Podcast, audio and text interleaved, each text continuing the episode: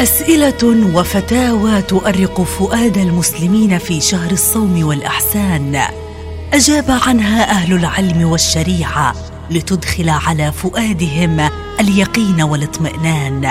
وبين الجواز والنهي والمكروه والمستحب سنقدم لكم قطوفا من الفتاوى الدينية في برنامجكم الرمضاني فتاوى رمضانية.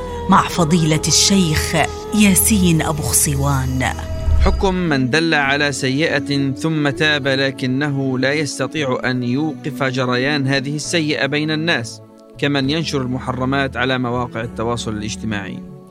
أجاب على هذا السؤال فضيلة الشيخ لؤي الشربجي بالآتي.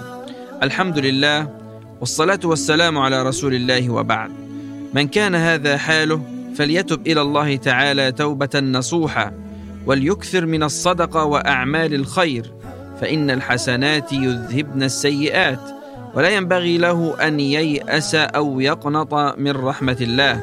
وليعلم أنه إذا أحسن العمل فيما بقي فإن الله يغفر له ما قد مضى والله أعلم.